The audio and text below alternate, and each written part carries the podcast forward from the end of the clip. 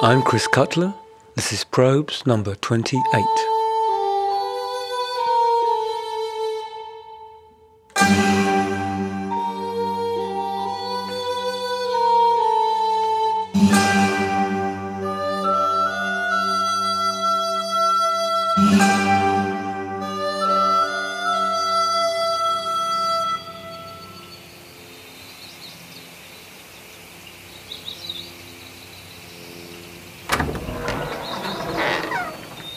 Toolshed has long been a popular place, not only for instrument building, but also instrument finding.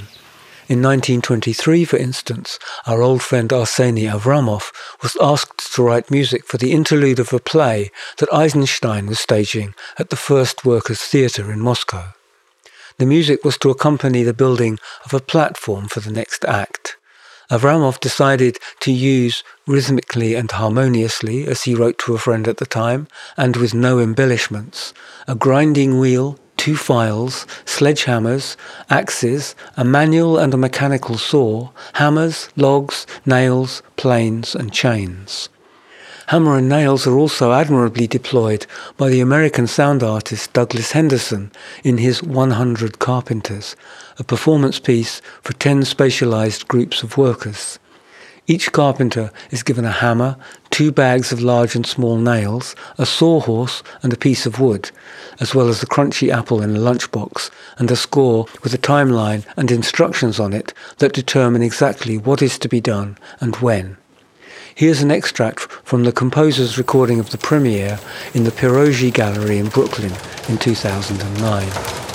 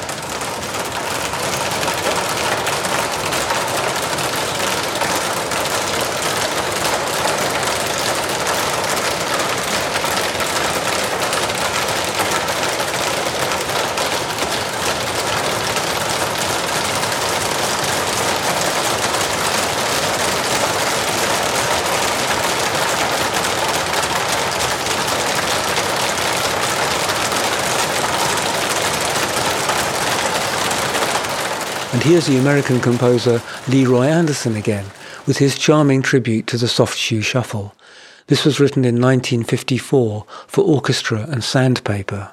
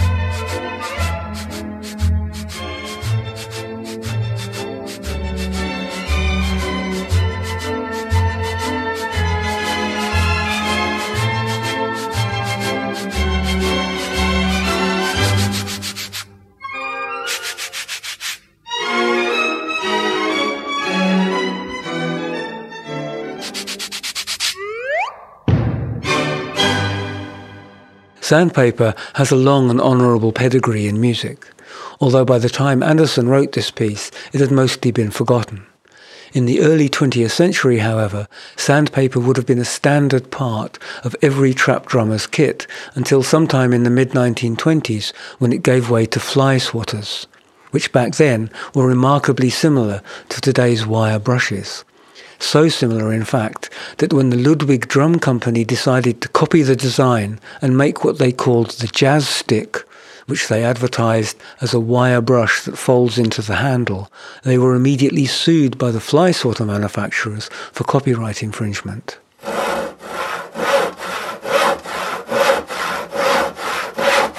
Then there's the saw. Saws, of course, have had a long history of use in folk ensembles and vaudeville, going back at least 140 years. And I'm sure you all remember Marlene Dietrich was a celebrated saw player.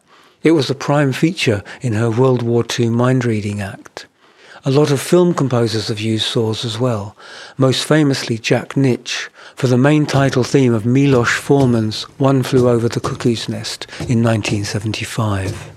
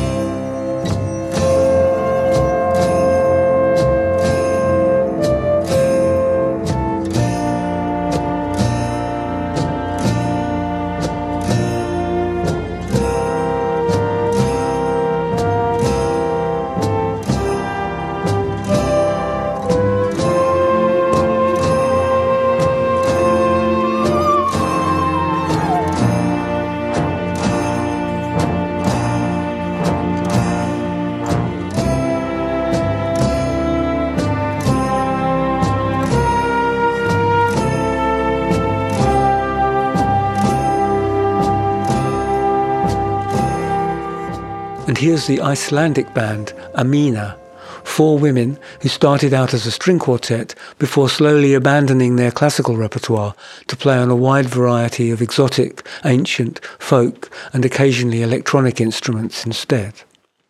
In this piece, Söll, they use a glockenspiel, a Gideon harp, a set of desk bells, a mini synthesizer, and a crosscut saw. I've chosen the live version of this piece because it's slightly more fragile and effective than the one on record.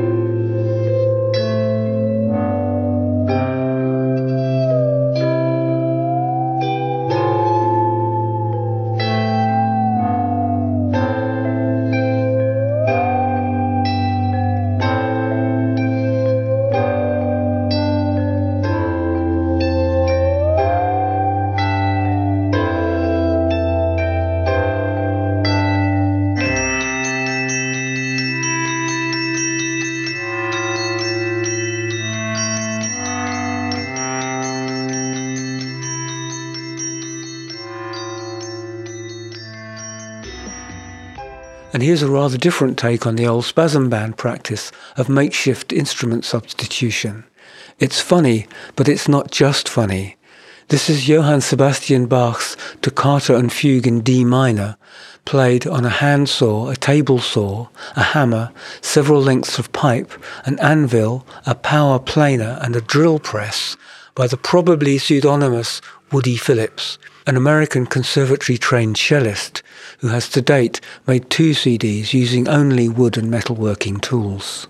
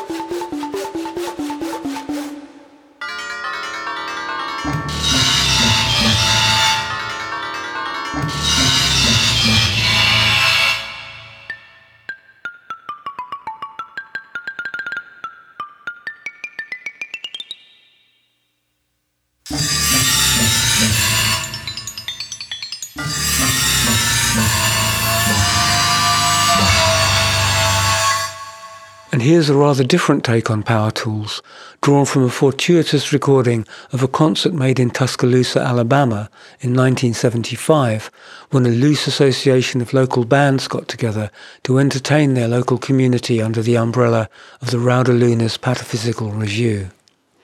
All of the ensembles playing that night were pretty different and pretty extraordinary, but the band who brought their power tools was the Captains of Industry.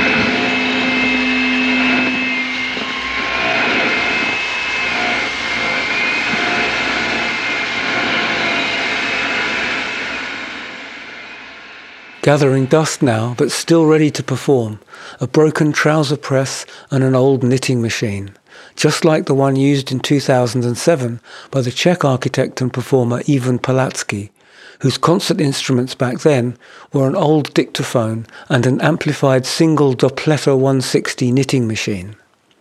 Here's the knitting machine in action.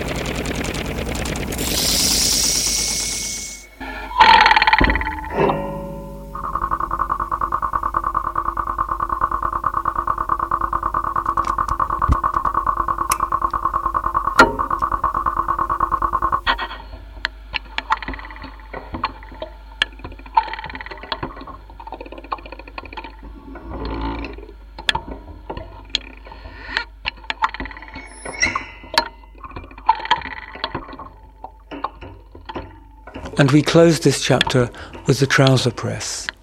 This is robot builder Roger Ruskin Spear's searing solo on the instrument, as featured on the eponymous track Trouser Press on the Bonzo Dog Doodah Band's 1968 LP, A Doughnut in Granny's Greenhouse.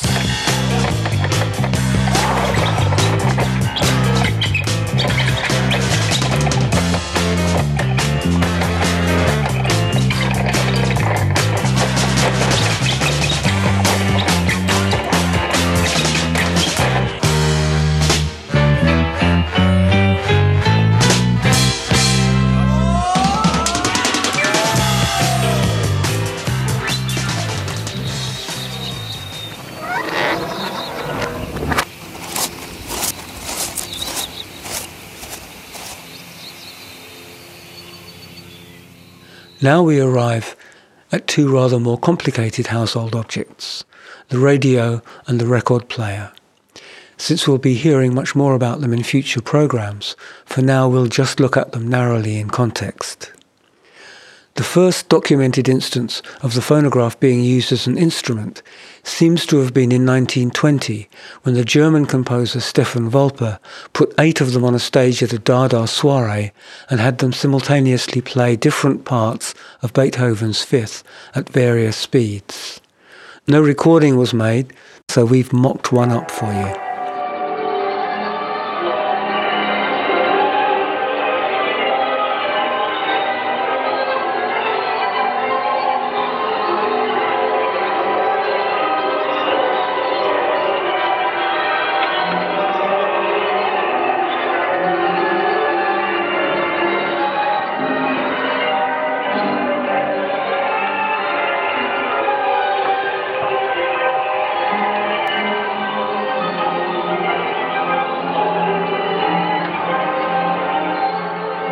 Serious consideration of the productive possibilities of the phonograph, however, is usually tagged to 1922, when the polymath Moholy-Nagy, then teaching at the Bauhaus in Weimar, published his short essay Production Reproduction in the magazine De Stijl. His suggestion was that by analyzing and understanding the relation of the groove to the sound, it should be possible to calculate and then manually engrave entirely novel sounds directly into the surface of a disc, which could then be played back in the normal manner. It was an idea that had in fact been raised in Berlin 12 years earlier by the critic Alexander Dillman and six years earlier in the Soviet Union by our old friend Arseny Avraamov, though neither suggestion made any mark at the time. In the years that followed, there was considerable theorizing about writing for the phonograph from various sources, including Henry Cowell and Igor Stravinsky, but still nothing was actually produced. A more modest use of the phonograph was probed, however, in 1924 when the Italian composer Ottorino Respighi wrote one into the third movement of his orchestral poem The Pines of Rome. Though it did no more than play back the recorded sound of a nightingale, it was still the cause of considerable debate.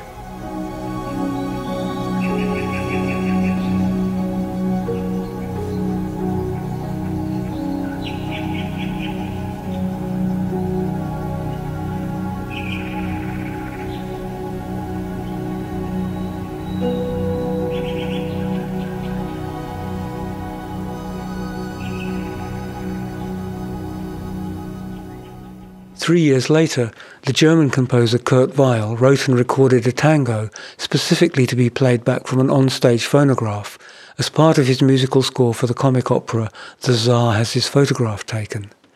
In fact, a number of composers, including Darius Milhaud and George Antheil, were all known to be experimenting with phonographs at this time, though universally to no effect. In fact, the only known works to have been produced as the result of all these words and experiments were those presented by two German composers, Paul Hindemith and Ernst Toch, at the legendary New Music Berlin Festival in 1930. These three works were written for and presented on phonograph records, possibly with live accompaniment, we don't know and they worked for the most part with different recording speeds and superimpositions. Hindemiths were believed to be lost until fairly recently, after it was discovered that they'd been offered to the Institute of Music Research in Berlin, who refused to take them. It was only by sheer good luck that an employee at the Institute had the wit to understand their importance and made a private tape copy before the originals were handed over to a junk dealer. Here's a short extract from one of them. This is from Paul Hindemith's untitled Trickaufnahmen. This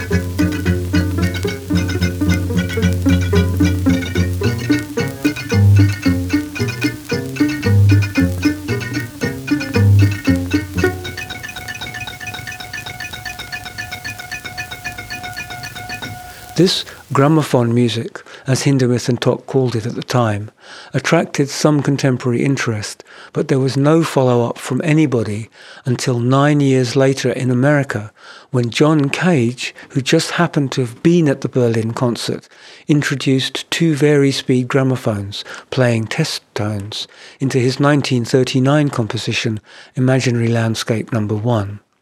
In the score, Cage says that the work should be realized not as a performance, but as a radio broadcast or a recording.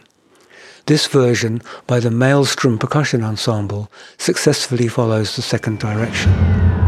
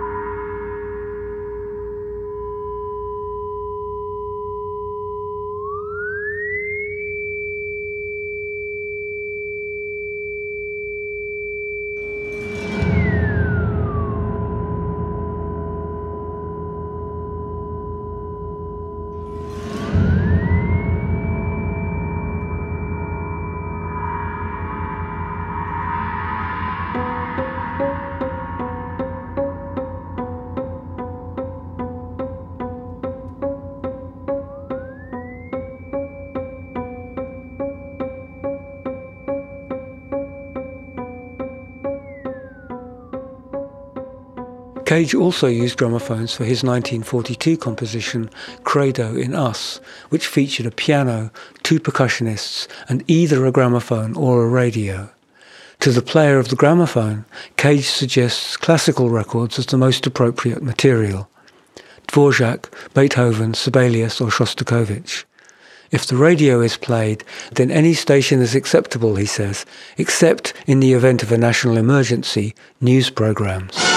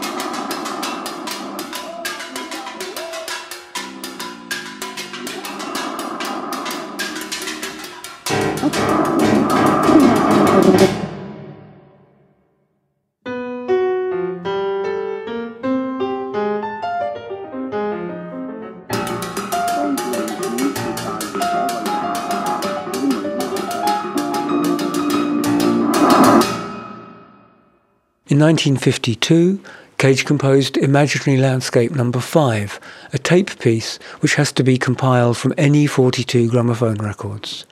For his own version, which was realized with the help of David Tudor and Louis and Bebe Barron, he used jazz records.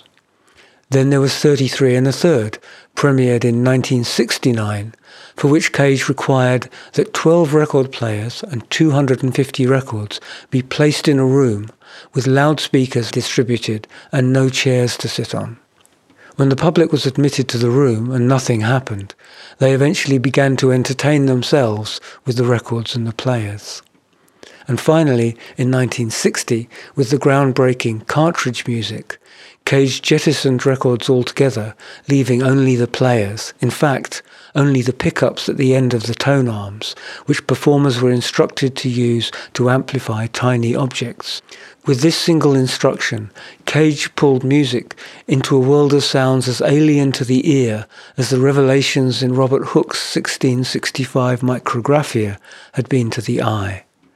The objects to be used are not specified by Cage, but performers have probed, amongst other things, pipe cleaners, matches, paper clips, springs, feathers, and wires. To perform the piece, each musician has to generate his or her own score by referring to 20 numbered sheets that are printed with irregular shapes. Any number of players can participate, and in this extract, taken from a gallery performance in 2015 by the Langham Research Centre, there are four of them.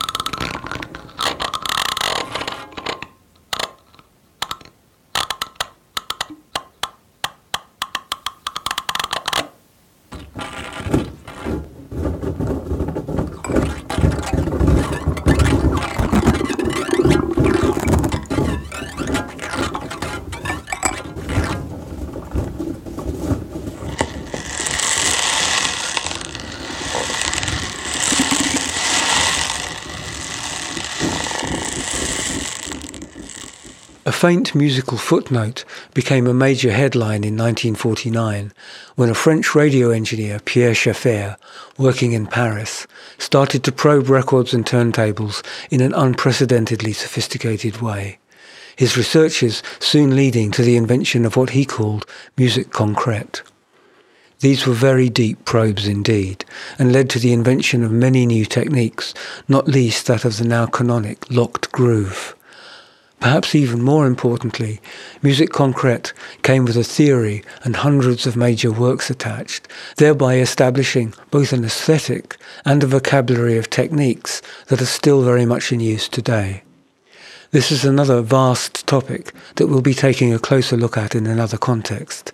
So for now, I'll just place a marker, an excerpt from one of the earliest broadcast works, Etude au chemin de fer, which was created with and presented on 78 RPM gramophone records in Paris in 1948.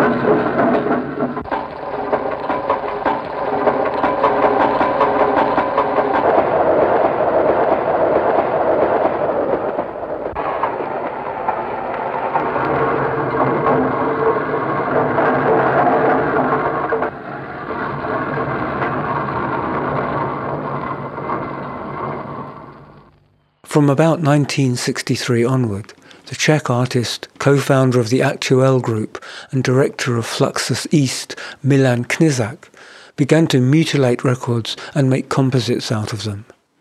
His series, Destroyed Music, which was produced between 1963 and 1979, consisted of gramophone records that had been broken, sanded, burned or painted on. Others had been cut up, shuffled about, and reassembled with sticky tape. In 1979, a fellow flux artist, Walter Marchetti, compiled and released a collection of recordings made from these records on an artist label in Rome, and four years later, Knížák's best-known work, Broken Music, was released in a cassette edition in Cologne, each cassette accompanied by a melted, gold-sprayed 7-inch single. Here's a snatch from composition number two, taken from Marchetti's 1979 collection.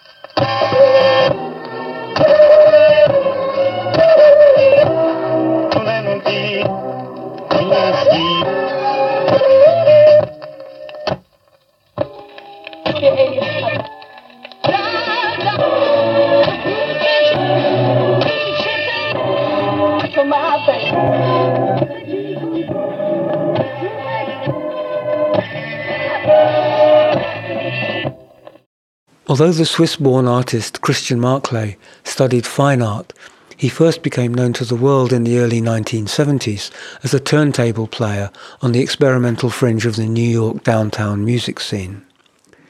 Turntable playing was not something one did back then, and Marclay was almost certainly the inspiration for every art turntablist that followed. This extract is taken from a 1988 release on which, using multiple turntables, he employs for each of the 12 tracks only records by a single artist. On this track, it's the exoticist Martin Denny.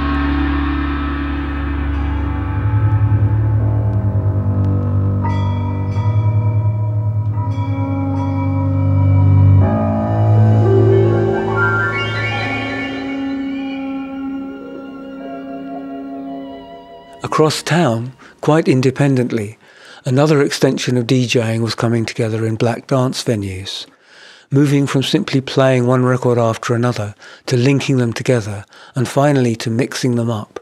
This community followed its own inexorable logic. It's generally agreed today that DJ Kool Herc invented the break in 1973 that's where, using two identical records, the same phrase could be repeated in a loop, making it possible for other things to be flown in over the top. The break probably marks the beginning of a new way of thinking about DJing, a way of making music rather than playing it. The basic technology had been around for a while, of course, Radio DJs with their specialist needs were already using customized turntables that were more sturdy and more flexible than the domestic variety, and these soon found their way into the clubs. What followed was a reciprocal evolution as turntable manufacturers responded to the needs of a larger and larger constituency of DJs and hip hop bands. The tipping point came in 1981 with the release of the first commercial recording to be made with turntables alone. The DJ was Joseph Saddler, better known as Grandmaster Flash, and the record was effectively a live performance that used three turntables and a selection of records by other bands. The Grandmaster had none of the commercial sampling, pitch shifting and switching gear that we have today, and this record, whatever else it may be, is a hymn to hard work, problem solving, innovative thinking and years of practice. We take a lot for granted today because so much is so easy to delegate to machines. But imagine yourself at home with a few LPs, three turntables and a small mixer. How would you go about doing what Saddler does here in real time on the adventures of Grandmaster Flash on the wheels of steel?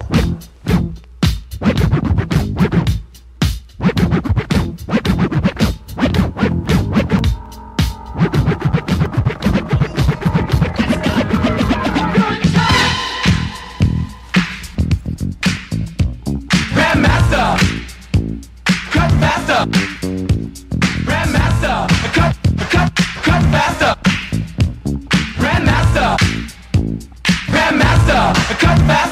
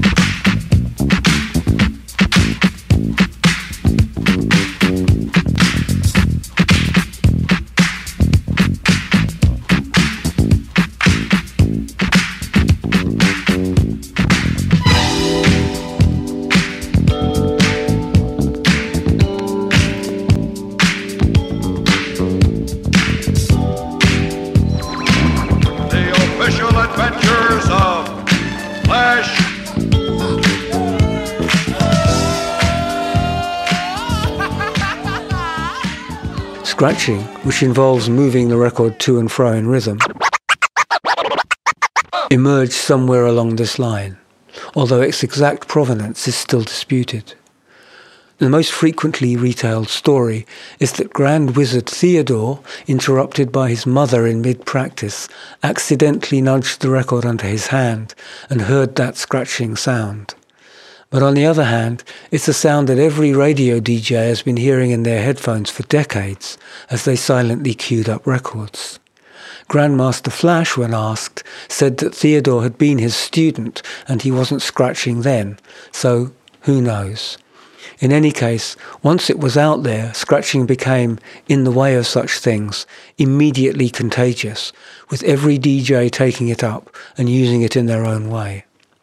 In no time, scratching had evolved a life of its own and thrown off an impressive catalogue of named and identified moves. To give you some idea, here's just a couple of minutes from the Rocksteady DJ's winning set at the Disco Mix Club's World Championship in 1992. This happened out on the West Coast, where a similar but distinct DJ evolution had taken place, strongly influenced by the local Filipino community. If the East Coast had pioneered the basic techniques, it was arguably on the West Coast that they became integrated into a more self-conscious art form. In this short extract, DJ Qbert, Mixmaster Mike and DJ Apollo, using three turntables between them, divide up the roles of drum, bass and lead scratcher to mind-bending effect.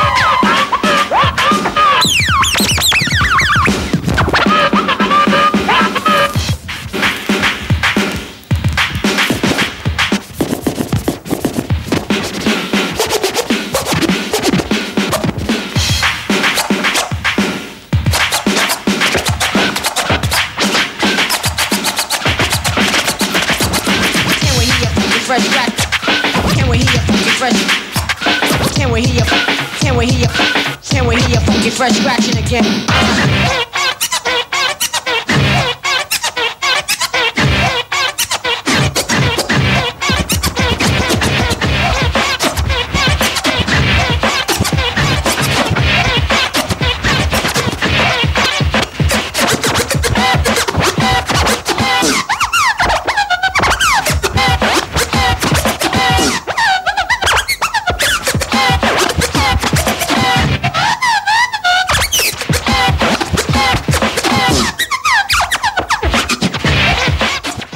Techniques soon found their way into the rock end of jazz. Herbie Hancock, for instance, played an important part in popularizing scratch techniques when in 1982, after a long decline in his career, he made, or rather Bill Laswell made and Herbie added his part at the end, the mega hit Rockit. In no time, rock bands, pop acts, groups like Linkin Park, and even the occasional metal band were signing up turntable players. And in the contemporary music world, the first concerto for turntable was premiered in 1999 by the Canadian composer Nicole Lizée, whose RPM for large ensemble and solo turntablists is very specific about both the records and the techniques to be used by the turntablist integrating the instrument fully into the ensemble rather than flying it over the top. Lizée has continued to write for turntables since, with 11 works to date, exploring various combinations of instruments. Here is an extract from RPM.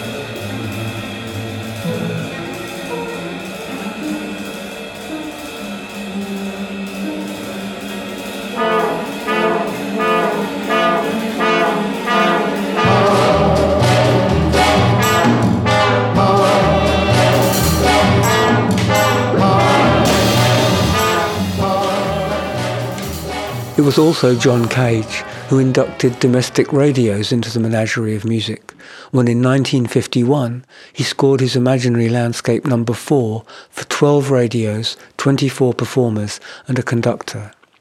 Each radio was assigned one person to tune into frequencies and another to control volume and timbre. The score itself specified only actions and durations. When asked why radios, Cage told Richard Kostelanetz, there was a tendency through the whole 20th century from the futurists on to use noises, anything that produced sound, as a musical instrument.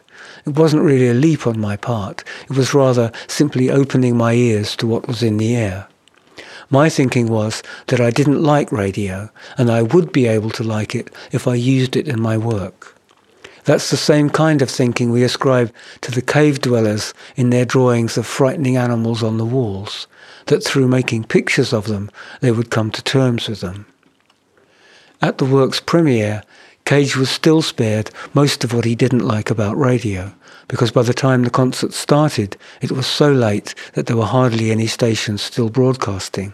So the piece delivered mostly silence, a little static, and the occasional burst of sound.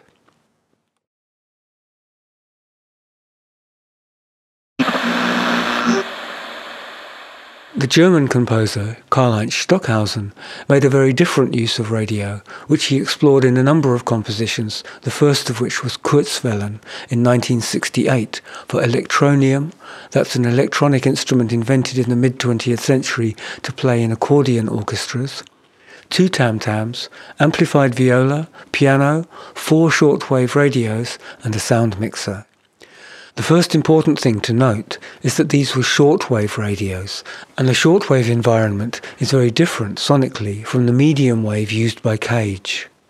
Secondly, Stockhausen was much more interested in the sound between the stations than the sound on the stations.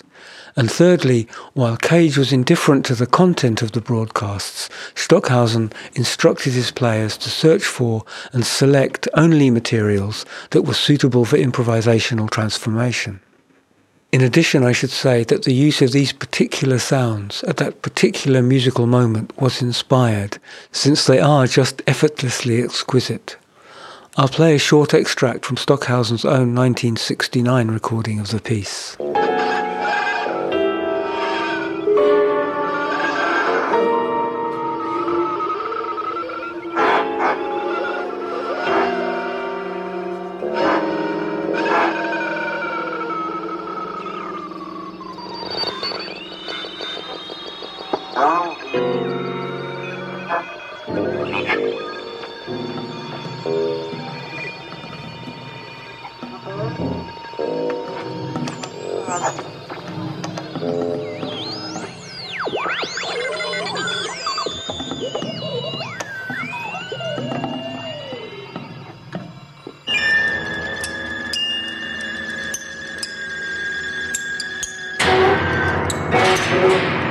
Thank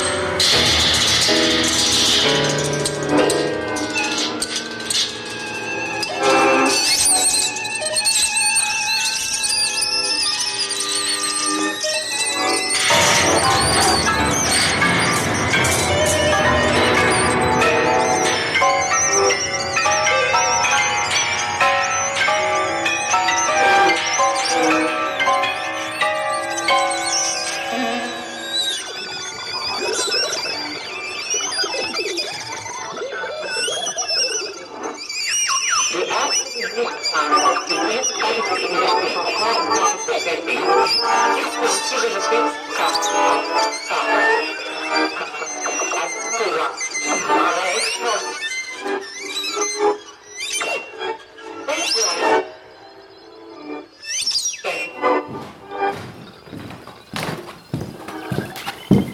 Few years ago, I took part in a performance of Kurzwellen, and I have to tell you that tragically, it's no longer possible to approach the depth and richness of the original because the shortwave environment has become so desperately impoverished.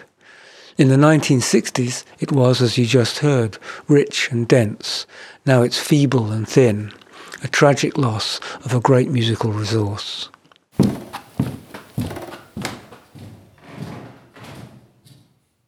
By the middle of the 1960s, the British guitarist Keith Rowe, who was then part of the ensemble AMM, a collective that brought jazz exiles and contemporary composers together, had begun to use small transistor radios as part of his guitar setup.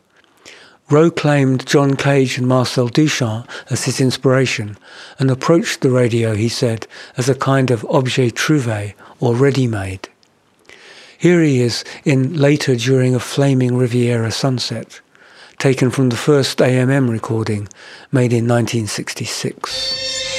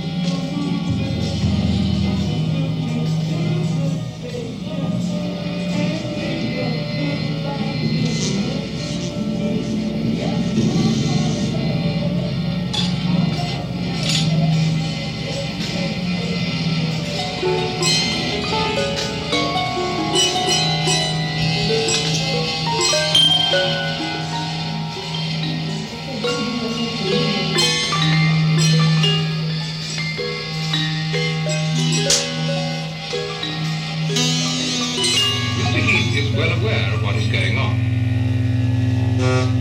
Staying for himself. He is able enough and tough enough.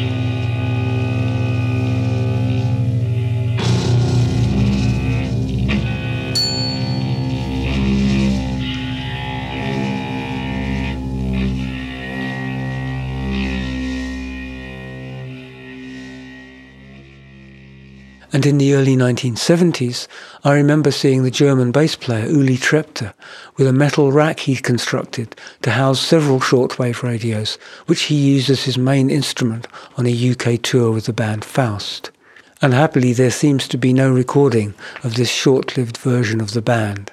But generally, in classical, improvisational and rock environments, the radio was approached for many years as a legitimate instrument before it slowly faded from view.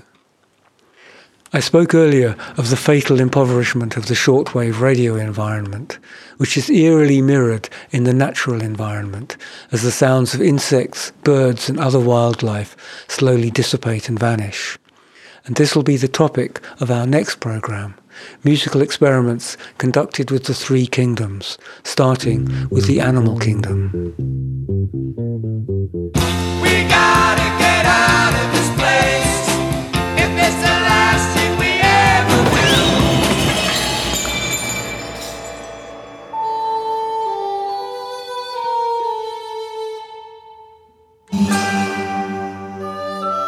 I'm Chris Cutler. This has been Probes.